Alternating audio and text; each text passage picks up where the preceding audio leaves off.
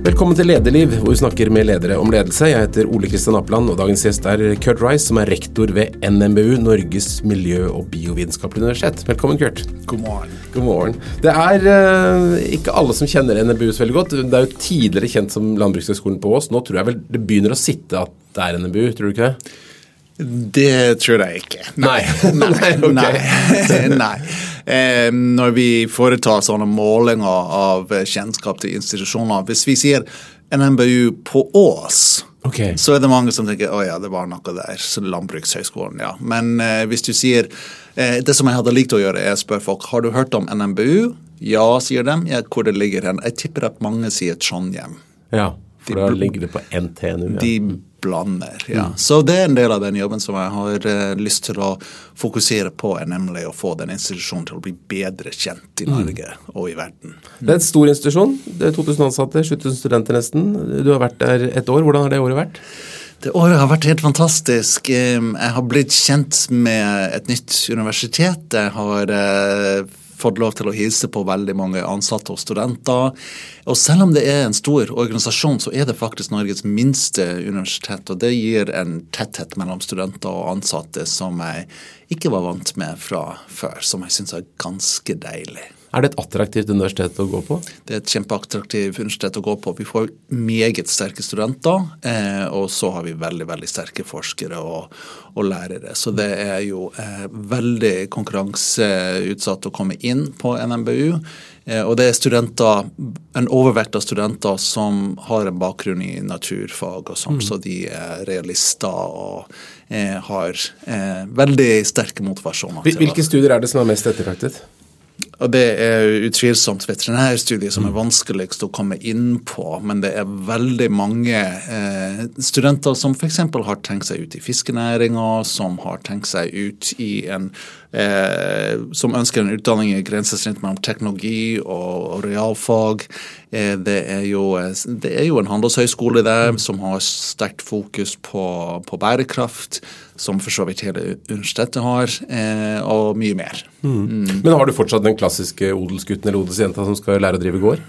Altså Det ønsker vi å ha, men det ser du f.eks. noen utfordringer med veterinærstudier. Altså Vi skulle gjerne eh, fått inn flere studenter som har vokst opp på, mm. på, landet, for å si det sånn, og som ønsker å ha sin karriere der. Men det er en veldig tøff konkurranse med de som har vokst opp i kanskje et sterkere skolesystem i, mm. i Oslo, f.eks. De som har vært i fjøset morgen og kveld, har ikke fått sekser i alle fag, antagelig? Nei, det er det som er det ligger en konflikt der. Ja. Hvordan står det til med studenten nå etter pandemien? Altså, Studentene har hatt det tøft i pandemien. Altså, Man kan forestille seg en 19-åring som aldri har bodd hjemmefra, som flytter til en eh, studenthybel, og som ikke skal på undervisning. Mm. Og De skal sitte der på hybelen sin, og de kjenner få og de får, blir ikke kjent med lærerne sine, de kommer seg ikke ut. Det, det har vært krevende. Eh, Nå er det heldigvis sånn at eh, undervisning foregår på campus, og studentene kan komme tilbake, og det gjør veldig veldig mange. Så det er gledelig. Jeg tror at de har det mye bedre når de er fysisk til stede enn mm. en ellers. Ja. Du begynte jo for et år siden, og tidligere så var du på eh, Høgskolen i Oslo Akershus, som ble etter hvert veldig kjent som Oslo OsloMet. Hva var grunnen til at du søkte deg til NMBU? Vel, For det første så er det sånn at topp topplederstillinger i brorparten av offentlig sektor er såkalte åremålsstillinger. Mm. Så man kan være en rektor eh, på en og samme institusjon maks to ganger fire år. Og jeg hadde kommet til det sjette året, og da begynner man å lure på hva som kommer nest, og timinga er aldri perfekt. Men, eh, men så det var delvis det. Eh, det var delvis at um, jeg fikk den jobben på daværende Høgskolen i Oslo og Akershus um, bl.a. for å uh, lede prosessen i mål med universitetsakkreditering, som da utløste bl.a. det nye navnet som du nevnte. Uh, og det hadde jeg gjort. Og så etter hvert så tenker man OK, been there, done that. Nå skal jeg prøve noe nytt. Mm. Ja. Mm. La oss snakke litt om deg og din bakgrunn. Du er jo lingvist og forsker innen, innen generativ grammatikk, som jeg måtte slå opp, med å innrømme, og fonologi. Eh, men, men, du vokste opp et helt annet sted, i Minnesota. Fortell litt om oppveksten din. Hvordan vokste du opp? Jeg vokste opp i en veldig tradisjonell eh, familie på fire, med en far som jobba på IBM, og en mor som da jeg var liten, som var hjemme og etter hvert kom seg, kom seg ut i arbeidslivet også. Eh, det var jo eh, en rolig og hyggelig eh, by som het Rochester, med 70 000 innbyggere og et veldig sterkt skolesystem. Mm. Eh, så det var eh, en veldig stereotypisk oppvekst, egentlig. Ja. Og Du så kanskje ikke da for deg at du skulle bli rektor på Universitetet i Norge? Jeg så ikke for meg det den gangen. Jeg så ikke for meg, jeg, så ikke for meg, jeg hadde ikke sterke, et sterkt bilde av fremtida mi. Det hadde jeg ikke. Jeg gjorde det bra på skolen, og så, så tenkte jeg at jeg bare fortsetter å studere og ser hvor langt jeg kommer med mm. det. Og det ble doktorgrad ut av det, og så, og så videre. Hadde du noe tidlig interesse for ledelse? Ja, altså Det er noe som man eh, kanskje ser tilbake på uten at man nødvendigvis skjønte det den gangen. Så jeg var f.eks. aktiv i speider som, mm. som, tenåring og fikk lederansvar eh, der. Og eh, ja. Så sånne ting toucha jeg inn på.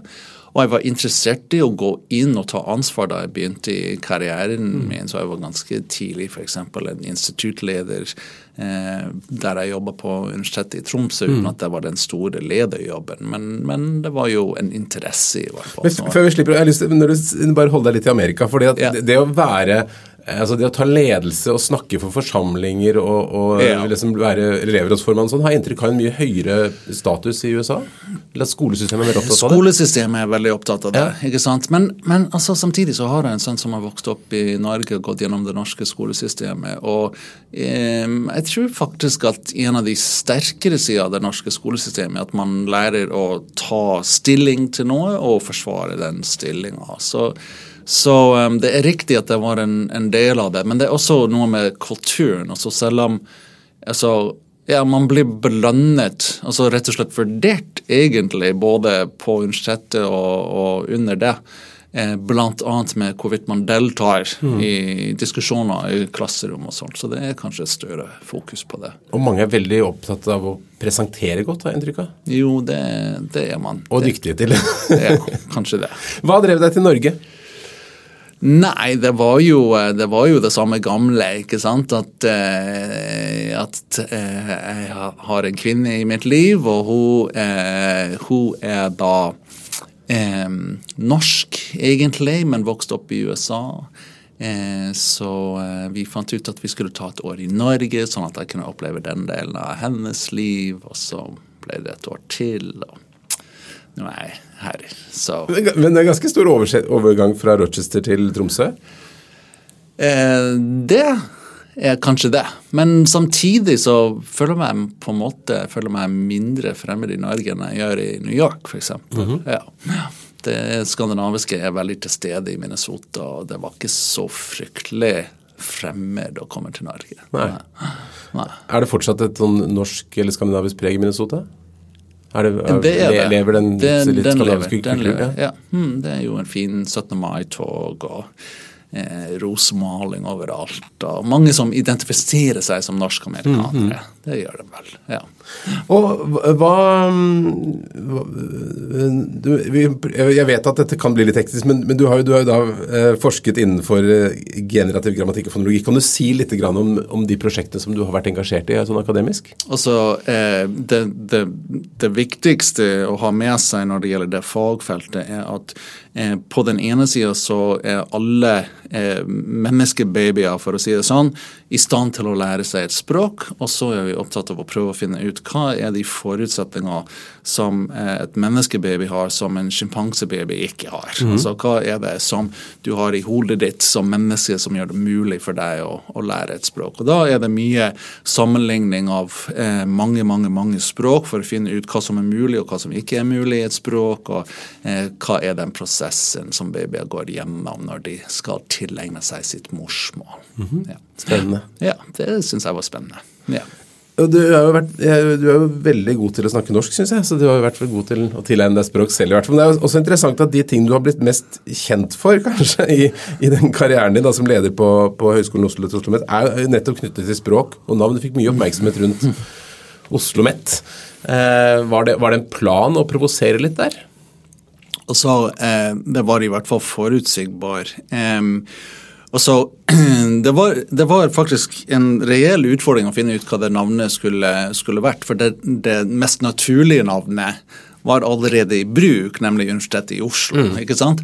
Men Oslo er jo et, et, et brand eh, i den internasjonale sammenhengen. Det er kanskje Oslo og Nobel fredspris som er de to sterkeste brand i, mm. i, Norge i det hele tatt. Så det satt veldig langt inne å gi fra seg muligheten til å bruke ordet Oslo.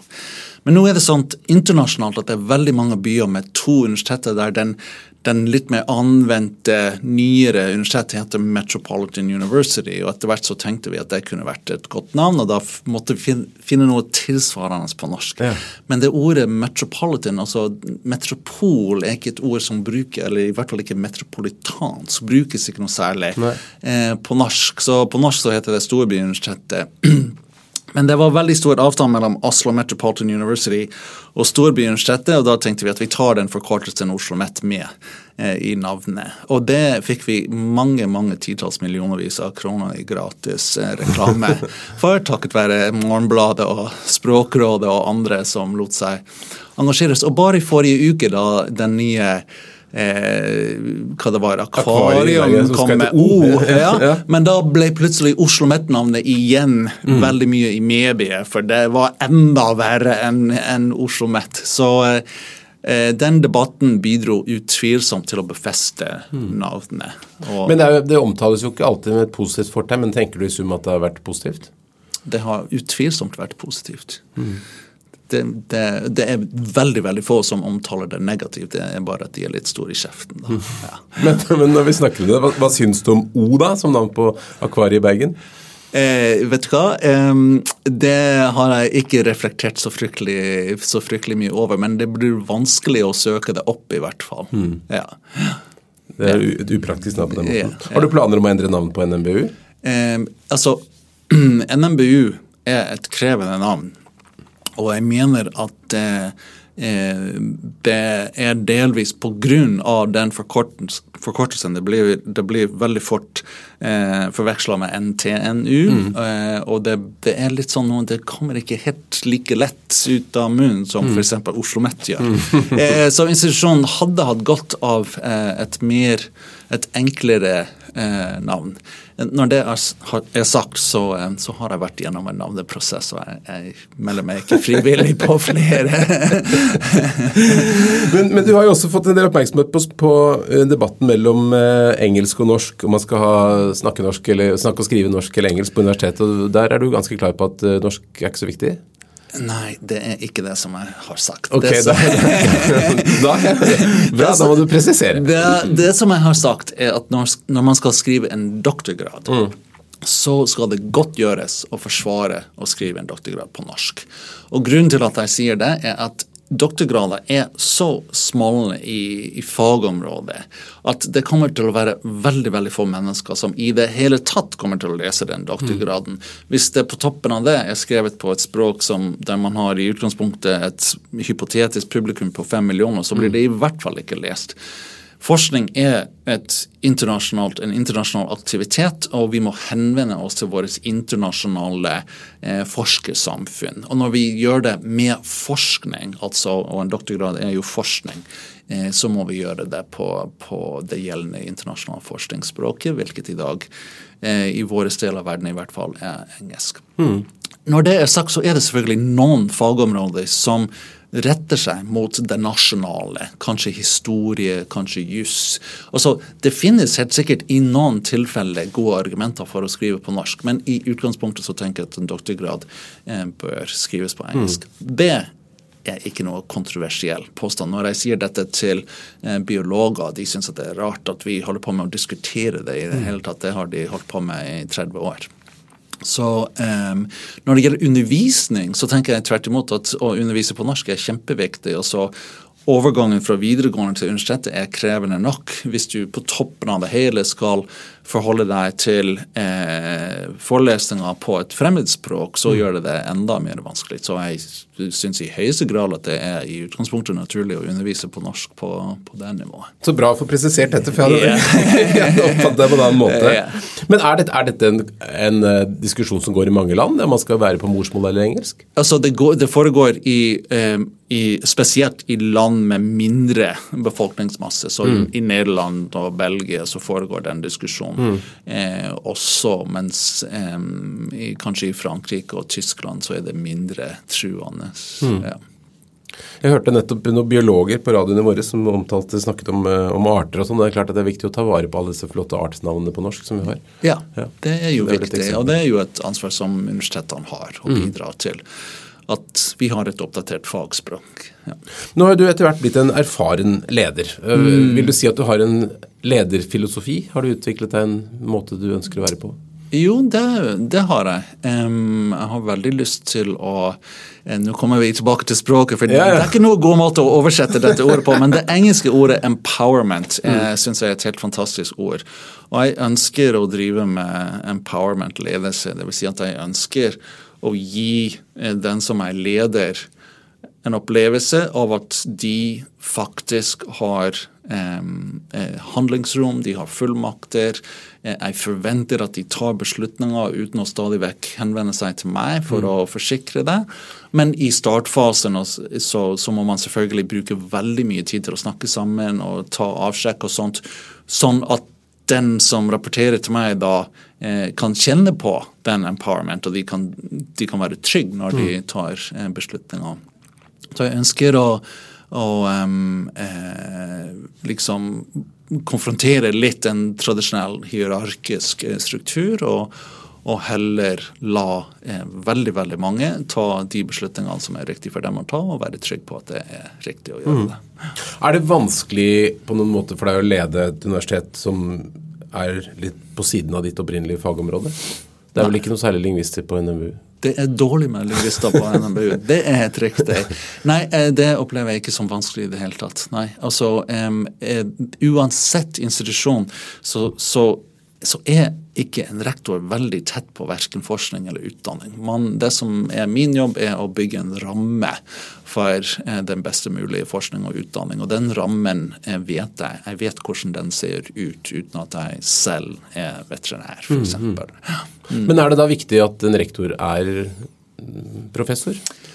Um, det vil i hvert fall, eh, tror jeg, de fleste ansatte på et universitet si. Mm. At, de, at, man må ha noen i den rollen som forstår Selv om jeg ikke er biolog, så forstår jeg hvordan forskning foregår. Jeg for, forstår hvordan utdanning foregår, og hva slags utfordringer det er f.eks. med å prøve å integrere forskning og utdanning.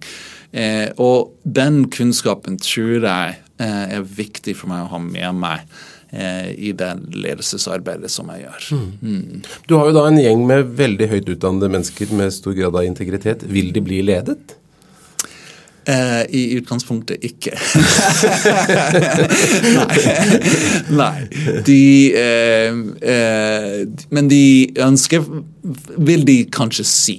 Men de ønsker likevel at andre skal bli ledet. Så de, så de ønsker f.eks. å slippe så mye administrativt arbeid som mulig. De ønsker at den som ikke gjør eh, det som han eller hun skal, eh, får kanskje litt ledelse til å komme, komme i gang med det. Og, og, og, på vitenskapelig nivå så er de kanskje mer for ledelse. Så mye av forskninga på NMBU skjer i laboratorier, og de vil som oftest ha en leder som er ansvarlig for å organisere det arbeidet, for å jobbe sammen med å identifisere de forskningsspørsmålene de skal jobbe med. og sånt.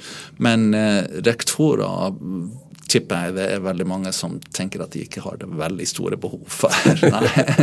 hva, hva vil du da? Hva vil du gjøre med NMBU?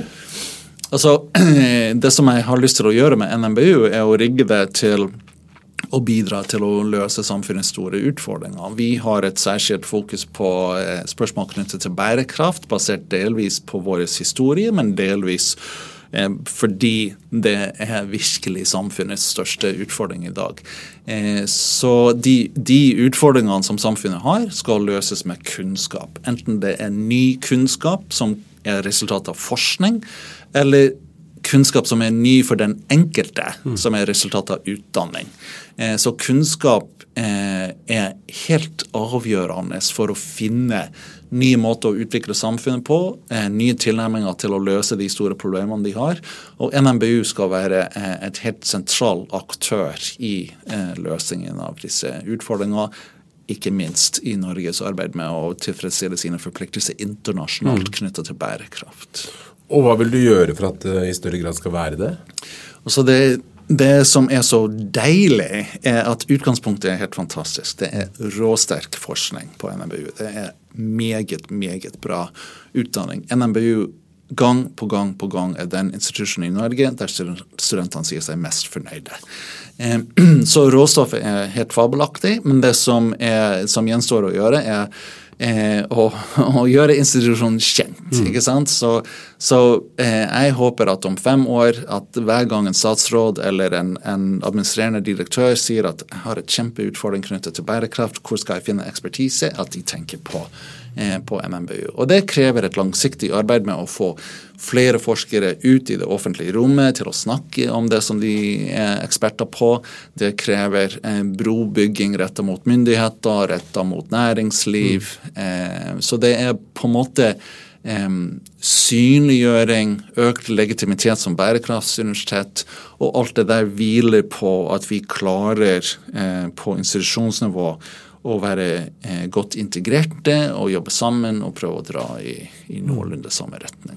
Du sier du ønsker du skal være mer kjent. Nå har jo dere nettopp tegnet en avtale eller tror jeg, på, på markedsføring, kommunikasjon og bruk av konsulenter. Så har vi en regjering som sier at man ikke skal bruke kommunikasjons... Eller i hvert fall begrense bruken av, av kommunikasjonsfolk og eksterne rådgivere og sånn. Hva tenker du, bør offentlige etater bruke en del penger på kommunikasjon? Det tenker jeg de fleste har behov for. Mm. Um, Eh, det, det, må vi absolutt. Eh, og det kan gjerne være sånn at vi skal primært gjøre det ved å bygge opp inhouse kompetanse og, og ha våre kommunikasjonsavdelinger som, som jobber både med å rekruttere studenter og posisjonere ansatte til å bidra i offentlig debatt osv. Så, videre. så det kan vi gjerne gjøre eh, med intern kompetanse. Men, men, av og til så trenger man litt ekstra kapasitet. Av og til så trenger man å utvikle nye kompetanser, og da kan eh, konsulentbransjen være nyttig å, å, ha med seg av og til. Og Der er jeg helt enig, men Vedum er helt uenig. men hvilke virkemidler bruker du for å, for å dra de ansatte og, studentene med deg på den reisen du ønsker? Er du, er du en som bruker, jobber mye med visjon og verdier og sånne ting? Hvordan jobber du? Og så, um, jo det, det, vil jeg påstå at jeg gjør. Så Vi er nå midt oppe i en ny strategiprosess og har masse interne seminarer og innspillsarenaer og sånt. Eh, og det får folk delvis med, men der må jeg si at det kommer overvekt av administrativt ansatte i forhold til sammenlignet med, med vitenskapelige ansatte. Så det er vanskelig å rive dem ut av ja. laboratoriet og klasserom.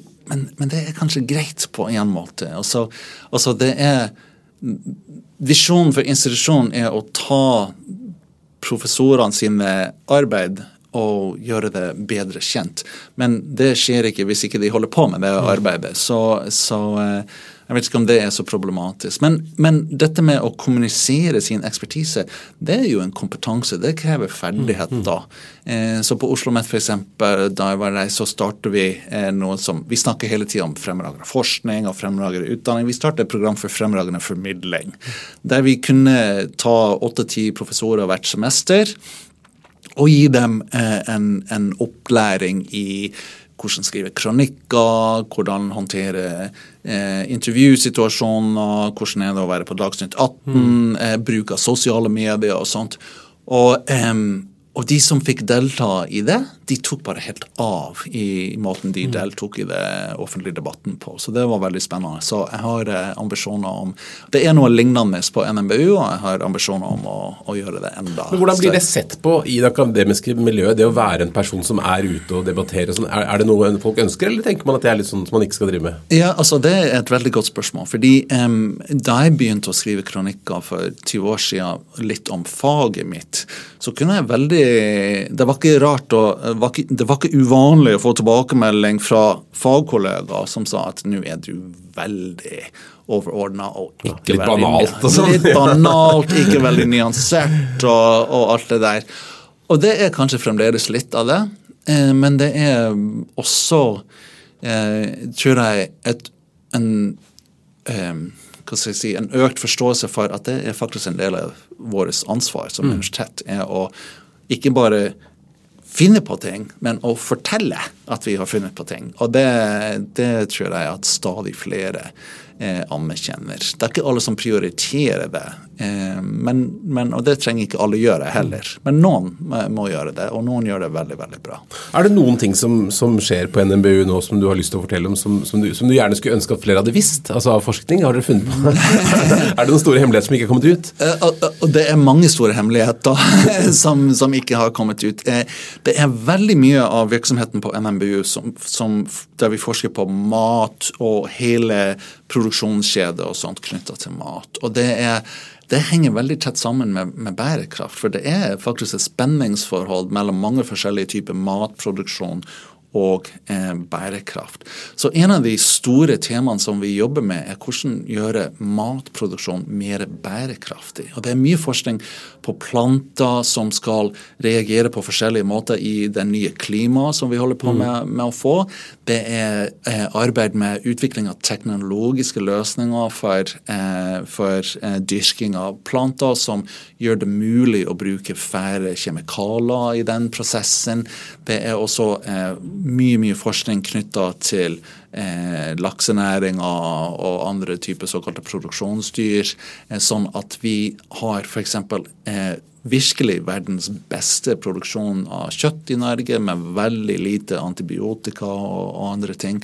Og alt det der er basert på forskning som skjer på NMBU et av de kuleste prosjektene som jeg har vært borti, er, har med fiskefôr å gjøre. For nå er det veldig mye fiskefôr som, som, eh, som lages med importerte eh, soya. soya. Mm. Um, og så er det prosjekter på NMBU der de tar tre og gjør det til fiskefôr. Oi. Og det er kjempekult. Mm. Og da kan vi være selvforsynende på, på, det, og trenger ikke hogge ned i Amazonas for å, for å dyrke soya og sånt. Så det, det, er et eksempel på et mm. veldig kult prosjekt. Der. Opplever du at, eh, at, eh, myndigheter og næringsliv og sånn uh, tar tak i all den kunnskapen som kommer fra dere? Altså, de, de som er tettest på, uh, gjør det. Eh, for et par uker siden så, så, var vi ute med en hypotese om hvorfor Oslofjorden dør. Mangel på proteiner mm. til, til, fiskene. Og Det har skapt veldig mye reaksjoner, positive reaksjoner i, i myndighet. Og så har eh, NMBU gjennom sin historie bl.a. som landbrukshøyskole veldig tett samarbeid med matproduksjon industri. og det, det til og med Tine for eksempel, har til og med kontor på campus mm. for å være litt tettere, tettere på. Så jeg opplever at at vi har et godt samarbeid med, med næringsliv, det vil jeg si. Og så, og så vil jeg ønsker at vi skal ha en enda tettere samarbeid med, med myndighetene. Mm. Ja. Mm. Hvordan vil du oppfattes som leder for blant dine ansatte og, og, og elever? Eller elever, studenter heter det. og, og, Betyr det mye for deg hvordan studentene oppfatter deg, eller, eller, er det først og fremst de ansatte du er leder for? Mm, nei, altså endringer eh, tror jeg skjer via studentene, mm. først og fremst. Så det, det er kjempeviktig eh, for meg, og jeg bruker mye tid med studentene. og Ikke bare i møter, men jeg står bak disken på Samfunn og, og andre ting, og syns det er veldig morsomt å gjøre det. En idealismen mm. på et universitet er hos studentene, og det er veldig deilig å ha mm. det som en del av hverdagen min. Eh, men jeg ønsker å bli oppfatta som som en leder som eh, er opptatt av de riktige tingene. Det er viktig for meg. Jeg, jeg vil bli overlykkelig hvis en gjennomsnittlig lærer på NMBU mente at jeg hadde bidratt til å, til å gjøre eh, rammevilkårene for undervisning og utdanning eh, enda bedre enn de er i dag, og eh, hvis forskere eh, kjente på det samme.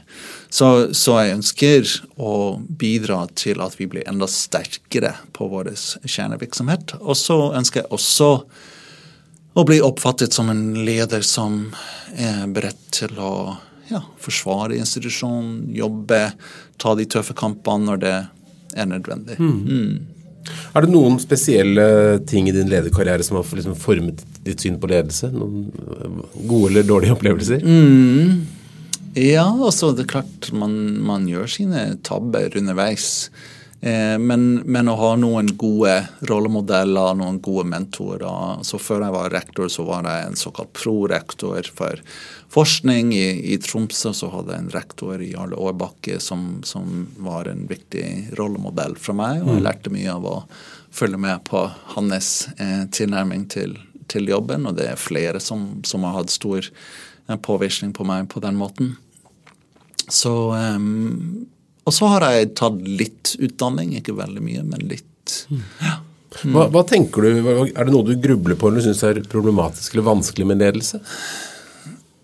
Eh, jo, det, det, det, er vanskelig å eh, lande en prosess som alle er fornøyd med. Det går stort sett ikke.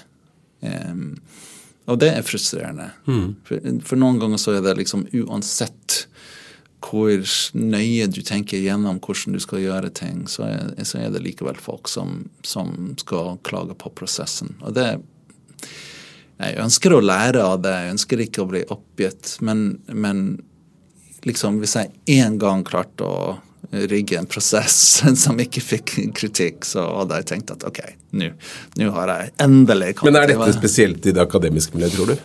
Jeg tror at det er kanskje spesielt i det off Vel, altså Nei, jeg tror faktisk ikke det. Jeg har nå en styreleder. Eh, han er F. som, som var tidligere Tine, ja. fra, på Tine. Mm. Og eh, vi snakker mye om prosess, og det kan hun snakke om ut fra egen erfaring. Mm. Ja. Mm. Ja, det er krevende. Ja. Men, men, kanskje det skal være litt konflikt rundt en prosess, hvis det skal være en prosess litt, uh, som faktisk endrer litt? Ja, kanskje det. Kanskje det. Men Eh, altså, gjerne det. Altså, det tar tid å få til store endringer, og det er bestandig mange mm. som har legitime interesser, og de må ivaretas på en eller annen måte. Men jeg, jeg skulle gjerne klart å forutse det. Det mm. klarer jeg ikke bestandig. men, men, du kommer da inn på et universitet som du kanskje ikke har vært på før, kjenner ingen, eller vet ikke, og så skal du begynne å lede. Er det en, er det en ensom rolle? Ja, det er det. Mm det er jo uh, uansett hvor nært en, en, annen ting som jeg lærte gjennom det å være prorektor i Tromsø og så etter hvert være rektor, at uansett hvor nært du er en rektor, så skjønner du ikke egentlig hele, hele jobben. Sånn at på den ene sida så har jeg folk som jobber veldig nært meg, men på den andre sida så, så, er det en del ansvar som jeg bærer på, som jeg bærer på alene. Mm. Ja. Hvor henter du energi? Um, studentene er jo et veldig godt sted å hente mm. energi. De er så um, positive og har så store ambisjoner, så det gir veldig mye. Jeg har noen gode kollegaer på andre institusjoner, andre rektorkollegaer som jeg kan snakke med og, dele erfaringer med. Uh, jeg har som nevnt en fantastisk styreleder mm. som også er veldig opptatt uh, av å støtte meg når jeg trenger det. Og så må man koble av av og til og komme seg ut i skogen eller skiløyper. Mm. Når er du mest fornøyd? Når koser du deg mest på jobben?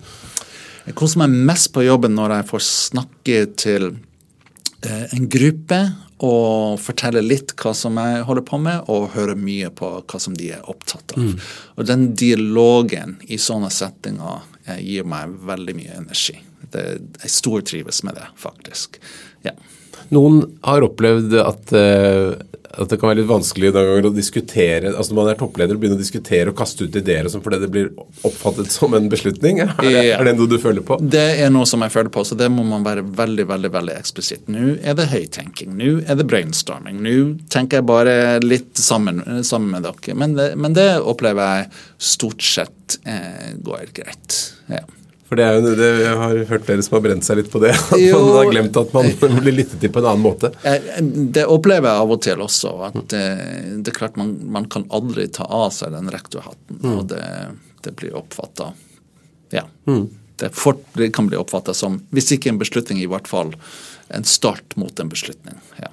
Et annet tema som du har engasjert deg mye i, er, eh, er, eh, likestilling, mangfold. Mm. Eh, du er leder Eller både har vært og er vel leder for en komité Nei, du er utdannet men i hvert fall en komité for kjønnsbalanse og mangfold i forskning. Ja. Hvordan er statusen der? Hvordan går det med, med kjønnsbalanse og, og, mangfold? Så Jeg var leder for den eh, komiteen kunnskaps, under Kunnskapsdepartementet, eller oppnevnt av Kunnskapsdepartementet, eh, frem til årsskiftet nå i, i fjor. Mm. Eh, hvordan det går? Jo, altså det går eh, det går bedre på lavere nivå. Så det er mange tiår siden det var balanse, kjønnsbalanse mellom eh, menn og kvinner blant studentene. Mm. Men på professor, professornivå så er det fremdeles en vei å gå. Så på NMBU så har vi ca. 30% av våre professorer som er kvinner. Og det kan høres ut som det ikke er så ille, men over 50% på nivået under mm. kvinner. Så det er noe som skjer med den siste eh, step up til professornivå som favoriserer menn fremfor kvinner. Ja. Nå, det, nå, skal jeg si noe jeg ikke har data på, men et veldig sterkt inntrykk av at vi kanskje får et motsatt problem om noen år. For det er veldig mange flinke jenter der ute. Kan, være, kan vi sitte om noen år og lure på hvordan skal vi få mer menn inn i akademia? Vel, um, på studentnivå så er det riktig. Så f.eks. veterinærstudiet er et ekstremt eksempel på det, med godt over 80 eh, kvinner eh, som, som tar det studiet. Og eh, psykologi et annet eksempel. Eh, medisin er ikke fullt der, men det er godt over halvparten som, som er kvinner som er studenter. Eh, så, så, vi kan få et motsatt problem i de eh, profesjonene. At det er mangel på mannlige psykologer, f.eks., eller mangel på mannlige eh, leger. Men selv om vi har den opplevelsen, så ser vi ikke at det gir utslag i lederstillinger. Mm, så du tenker at det, det, er noe som de faller fra der? Altså kvinner faller fra på den måten? Ja. Mm. De går ut av akademiet. De, går, eh, de, går, de blir leger, men det blir heller eh, overvekt av fastlege fremfor å være spesialister. Mm. Så, så, den sorteringa skjer bare litt seinere. Så vi må fortsatt jobbe med å få nok kvinnelige akademikere eller professorer osv.? Det som vi må jobbe med, er å forsikre at alle har like muligheter og at samfunnet har eh, det som, som, som, trengs. Så eh, det kan hende at det er vanskelig å argumentere at det er et samfunnsproblem hvis man har 100% av veterinærer som er kvinner. Vi kunne ta den diskusjonen, men det er ikke det mest nærliggende å ta. Men hvis man hadde 100% kvinnelige psykologer, så, så, er det mange som tenker at det blir ikke helt riktig, det. Og hvis vi ønsker å være noenlunde i nærheten av 50-50 på psykologer, så må vi jobbe aktivt mm. eh, med det. Og det samme gjelder leger. Ja, og det gjelder i hvert fall i lederstillinger. Mm. Hvis vi er inne på fremtiden, da, hvordan tenker du at uh, hvis vi ser litt sånn stort fremover 10-20-30 år, hvordan, hvordan utvikler universitetene seg? Universitetene må utvikle seg med å eh, ha flere tilnærminger til utdanning. Så det er veldig mye Eh, utdanning som skjer internasjonalt gjennom online-tilbud. Mm. Eh, det er ikke nok av det som skjer i Norge. Og er, vi har en modell der, vi, der man skal være heltidsstudent i f.eks. fem år og ta en master, mm. for å så gå ut i arbeidsliv ferdig utdanna. Mm. Men eh, verden, verden, forandrer seg for raskt til å tenke at du er ferdig utdanna når du er 25, mm. og at det skal bære deg gjennom en karriere på 30-40 år. Mm. ikke sant? Og den, den, såkalte videreutdanning eller etterutdanning eller livslang læring, eh, det, den koden sliter vi med å knekke her i, i, i Norge. Så universitetene eh, alle driver med litt, men det er ingen, som, som, ingen av de offentlige som får eh, helt sånn gjennomslag for å gjøre det til en betydelig del av sin ja, forretningsmodell, for mm. å bruke det begrepet. Er det andre steder i verden hvor man har kommet lenger på det? Ja, absolutt. absolutt. Og det henger kanskje sammen med fleksibilitet på inntjeningsmodeller. Mm, mm. Mm. Men dette med tilstedeværelse digitalt versus på campus, har det endret seg noe etter pandemien? Det har enda seg for det første at det har blitt en mye mer tydelig eh, diskusjonsmoment, rett og slett. Og så en forsker i norsk høyere utdanning har bestandig hatt rimelig fleksibilitet, i den forstand at hvis man klarer å beskytte en dag i uka uten undervisning, eh, så kunne man sitte hjemme og mm. jobbe med å skrive en artikkel eller, eller noe sånt. Og det er ingen forsker som vil finne på å spørre sin nærmeste leder om de får lov til å sitte hjemme den dagen. De oppfatter at de har den, den eh, fleksibiliteten i jobben sin. Mens de administrative ansatte har heller vært i en situasjon der det, det, vanlige er å være på jobb, og under helt spesielle omstendigheter så kunne man kanskje be om å jobbe hjemme. Og nå går vi i en situasjon der det er mange som, som egentlig trivdes med å være hjemme. Mm. Og til og med noen som er mer produktive når de jobber hjemme.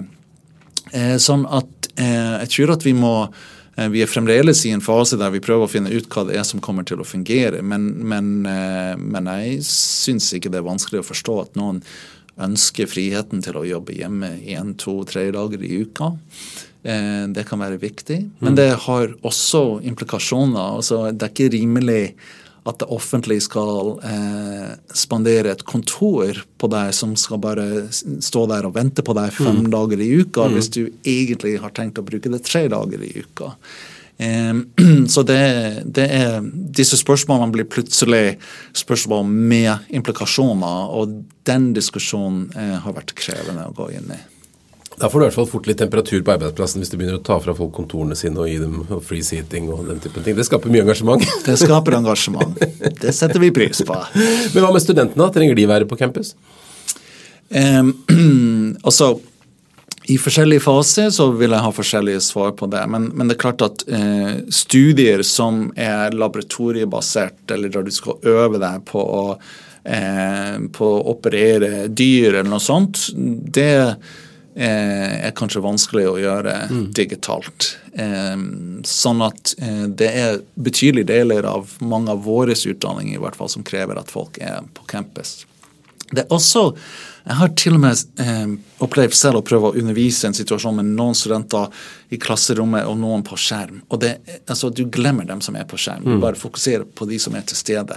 Sånn at, at, at, den dialogen man får til, og en diskusjon som man eventuelt får til, og sånt, det er mye mer vanskelig å få til digitalt eh, fremdeles enn det er eh, live. Så jeg tror at vi er fremdeles i en fase der læringsutbytte er større mm. med eh, fysisk tilstedeværelse. Men Har dere laget noen retningslinjer på det, eller er det opp til den enkelte foreleser? Um, er det, er det når det gjelder utdannings... Nei, ja, Om det er en regel på for, for, om det må være fysiske forelesninger, eller om det kan være bare på Teams? eller? Ja, altså Det er i en variasjon mellom studieprogrammene, litt avhengig av hva mm. slags mm. utdanning eh, de har. Og det er grenser for hvor mye vi kan faktisk eh, kreve av studentene. Så I motsetning til USA så er det ikke sånn i Norge at en del av din karakter er basert på at du har vært til stede eh, der. Og Av og til så skulle jeg ønske at det kanskje var noe som man kunne diskutere. Fordi du savner engasjementet? Fordi um, um, når du skal undervise en gruppe med studenter, og det er stadig utskifting i hvem som er til stede og hvem som mm. ikke er til stede, det sakter ned på uh, fremdriften mm. i, i, stoffet. Mens hvis du har 20 studenter, og de er til stede hver eneste gang, to ganger i uka, så vet du nøyaktig eh, hvor du er og kan, mm. kan, gå videre. Mens hvis de bare stikker innom når de føler for det, eh, og ellers lytter, eh, det, er, det, er, noe annet. Særlig hvis man gjør det digitalt og folk skrur av kameraet, du bare snakker til en sort, eh, sort, skjerm. Det er helt, det er jo terror det er ganske kjedelig. Ja, det, det, det, er tungt, tungt å undervise noe som helst akkurat da. Ja. Men uh, mens vi snakker om teknologi, er det andre ting som, av teknologisk utvikling som påvirker uh, universitetene fremover? Eh, vel, det, altså, det, blir spennende å følge med på eh, videre utvikling av virtual reality-løsninger. Så kan man lære å operere Eh, på ja, til slutt et menneske mm. gjennom virtual reality-løsninger. Og Da jeg var på Oslo OsloMet, så var det landets største sykepleierutdanning der, og det var stadig vekk eh, simulasjoner av forskjellig art. Kanskje noe av det kunne gjøres med, med andre typer teknologi. Mm. Eh, en av de store utfordringene vi har i Norge med utdanning av eh, sykepleiere med med, som spesialister er eh, praksistid. Eh, Kanskje noe av det kan gjøres på en annen måte med gode teknologiske verktøy. Mm. Ja. Nå har vi jo akkurat nå en, en, periode med veldig høyt uh, temperatur i arbeidsmarkedet, og folk rekrutterer, mm. slåss for å få tak i folk og sånn. Er det en utfordring for universitetet å holde på uh, folk? Rømmer de gode ut i næringslivet f.eks.? De gjør det, og, og, og, det er til og med en utfordring å holde på studenter. fordi det er mange, mange studenter som får jobbtilbud før de er ferdig med ja. masteren, og da er motivasjonen på å bli ferdig litt mindre. Mm. og det det påvirker vårt budsjett, rett og mm. slett, hvis studentene velger bort å bli ferdig med graden sin. Eh, når det gjelder de som skal eh, undervise, så er det også Altså, En av de diskusjonene vi har i Norge når det gjelder eh, det internasjonale, er at så mange av våre doktorgradsstudenter, ph.d.-studenter, er utlendinger. Men en del av det er fordi det er forholdsvis få nordmenn som søker seg til de mm. jobbene. Og mm. det er bl.a. fordi de kan få mye bedre betalte jobber med mm. den mesteren som de har. Så de, de er ikke motivert for å ta utdanninga helt til det siste. Hva kan man gjøre med det? det fins kanskje ikke noen enkel løsning? Jeg syns, jeg syns egentlig at det, og, det, som vi gjør, nemlig å importere eh, ph.d.-studenter, Eh, er ikke dumt. Det gir mangfold på universitetene, det gir internasjonale perspektiver. Så jeg syns ikke det er det store problemet som noen andre ser ut til å synes at det er. Men, men, eh, men det er klart vi ønsker også norske doktorgradsstudenter. Det sitter litt langt inne å si at vi skal heve landa på, på de stillingene. altså en del av grunnen til at vi har så mange internasjonale, er fordi landene er så bra mm. i, i, en internasjonal sammenheng.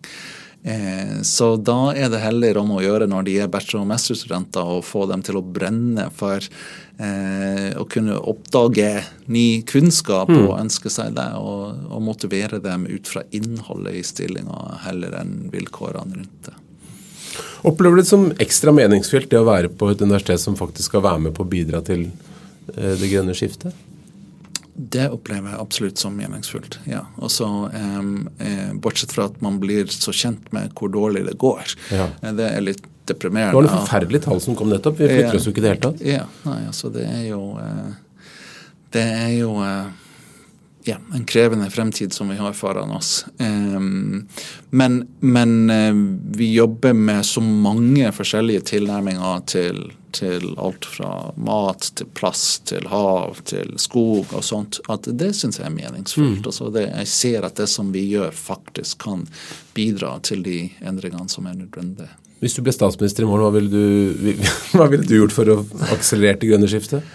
Jeg ville bare hanka hele NMBU og ansattestab inn i regjeringsapparatet og få dem til å, kunne anvende politisk det som de, det som de eh, vet. Nei, det er klart at altså, altså det, er mye, det, er mye, skattepolitikk som, som kan være relevant. Altså, en av de frustrasjonene som altså I tillegg til forskning og utdanning så drifter vi også et universitet ikke sant? med 150 bygninger på campus og alt annet. og Det skal vi gjøre på en bærekraftig mm. måte. Mm. Og En av de utfordringene og frustrasjoner er at bærekraftige løsninger koster ofte mer enn ikke-bærekraftige løsninger. Det koster masse penger å bli bærekraftig, og det er noe som regjeringen kan gjøre noe med, med gjennom subsidier og skattepolitikken.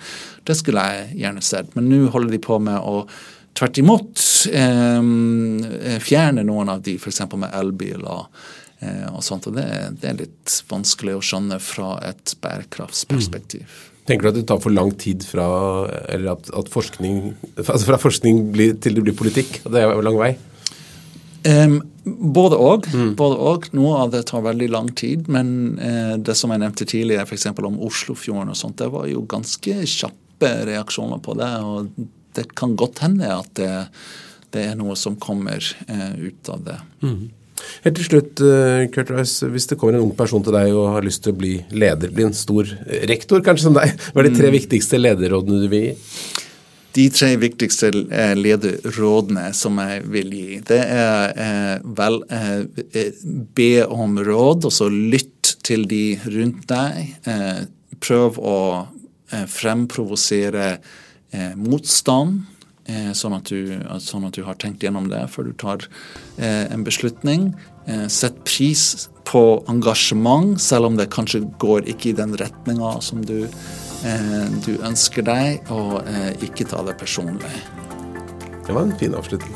Kurt Rice, tusen takk for at du kom til Lederliv. Veldig hyggelig.